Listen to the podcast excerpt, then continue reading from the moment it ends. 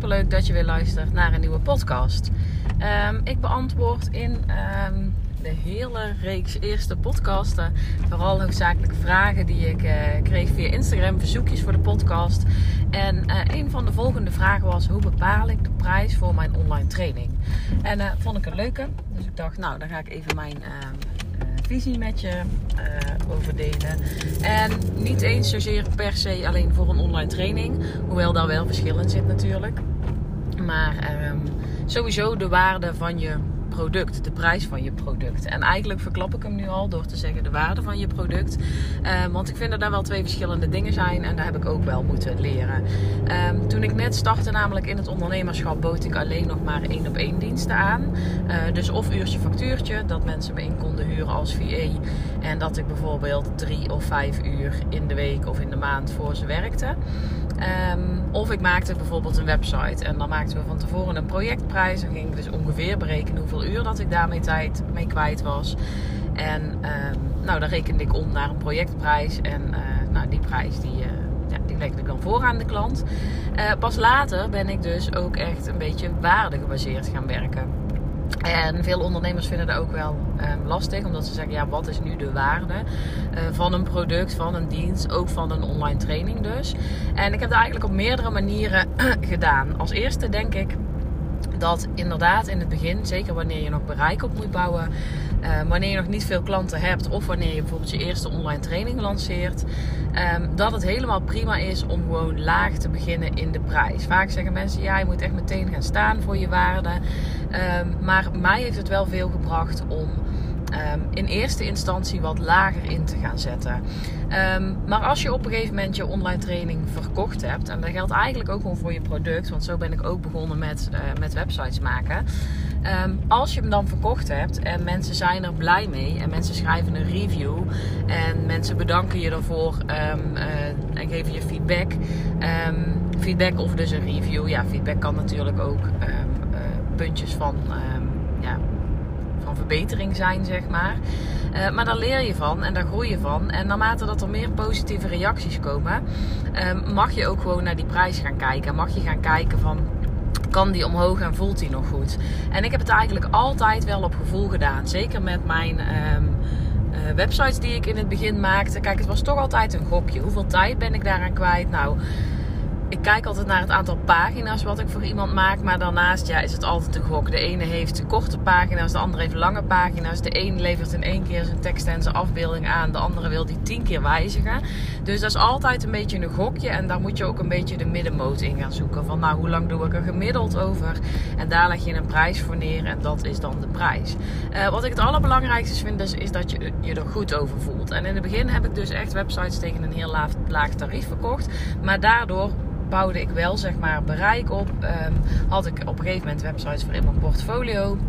En kreeg ik reviews en daardoor werd ik ook aanbevolen aan andere mensen. Dus in het begin vind ik, mag je vooral ook kijken van uh, naast um, uh, het geld wat het oplevert, wat levert het me nog meer op? En als dat betekent dat je bereik vergroot, dat je meer klanten kunt krijgen en dat je daardoor een naam opbouwt, dan vind ik dat daar ook de moeite waard is zeg maar, om in, uh, in te investeren. En om dus te kijken of je het eventueel voor een lager tarief aan kan bieden. Anderzijds moet je niet gaan zitten werken onder je kunnen of onder je prijs. Um, als het niet goed voelt. Want uh, ik heb ook wel eens websites gehad die ik dan inderdaad, dan zeiden mensen, nou ik dit en dit en dit. dacht ik, oké, dat is heel basic. Nou, dan ga ik daarvoor een leuk bedrag aanbieden. Dan heb ik die klant ook. En um, nou, dan ben ik er blij mee en is zij er blij mee. En vervolgens gingen mensen dan tig keer aanpassen. Oh nee, dit wil ze dan toch anders. Oh nee, ze hadden toch een andere tekst bedacht. Oh nee, toch dit, toch dat. Uh, en ik merkte ook, dat is ook de doelgroep die je hebt hoor. Dit was dan vooral nog de twijfelgroep, de perfectionistengroep. En dat geeft ook helemaal niks. Maar dat duurde en duurde maar. Toen had ik een website verkocht voor 500 euro toen nog wel. Um, ja, en dan was ik daar gewoon 30, 40 uur mee bezig. Omdat die mensen maar uh, bleven veranderen. En dit is ook een kwestie van je grenzen stellen. Sowieso hè. Dit is niet alleen een kwestie van de waarde bepalen, van de prijs bepalen. Maar ook echt van je grenzen stellen. En goed afspreken wat je voor die prijs kunt verwachten.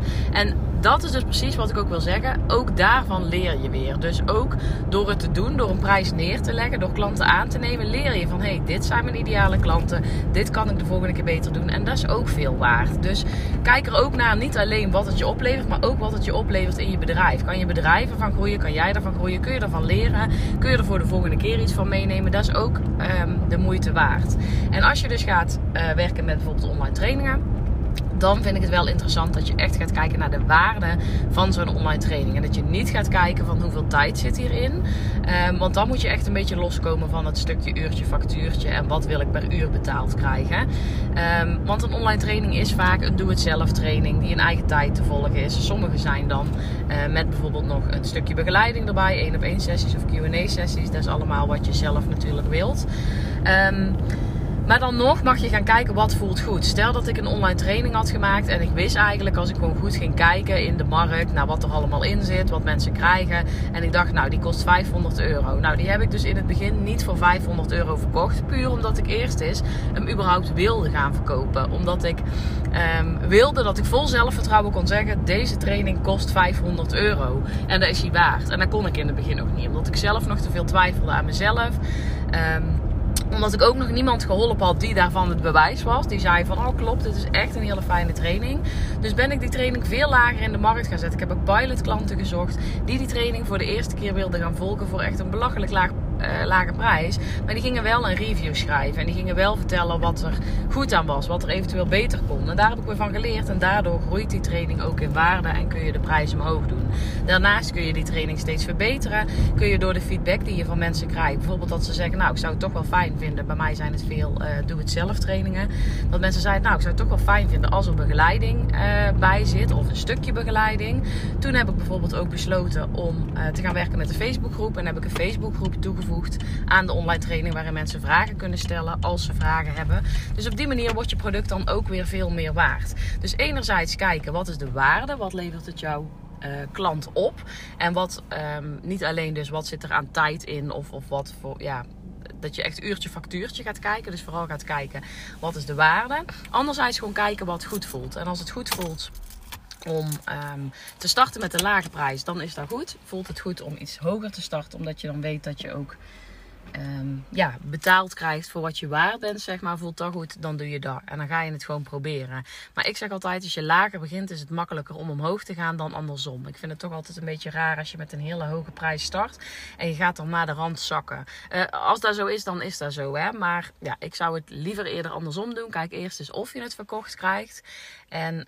Um, ja, ga dan eventueel die prijs omhoog doen. En omhoog mag altijd uh, en kan altijd, omdat jij als mens groeit, omdat jij groeit in je kennis, omdat jij uh, een grotere ondernemer wordt, uh, omdat je de waarde verhoogt van je product en omdat je er bijvoorbeeld allemaal extra's aan toevoegt, waardoor het meer waard wordt. Dus um, nou, op die manier heb ik het gedaan. Ik hoop um, dat je hier iets aan hebt en dat je er iets mee kunt.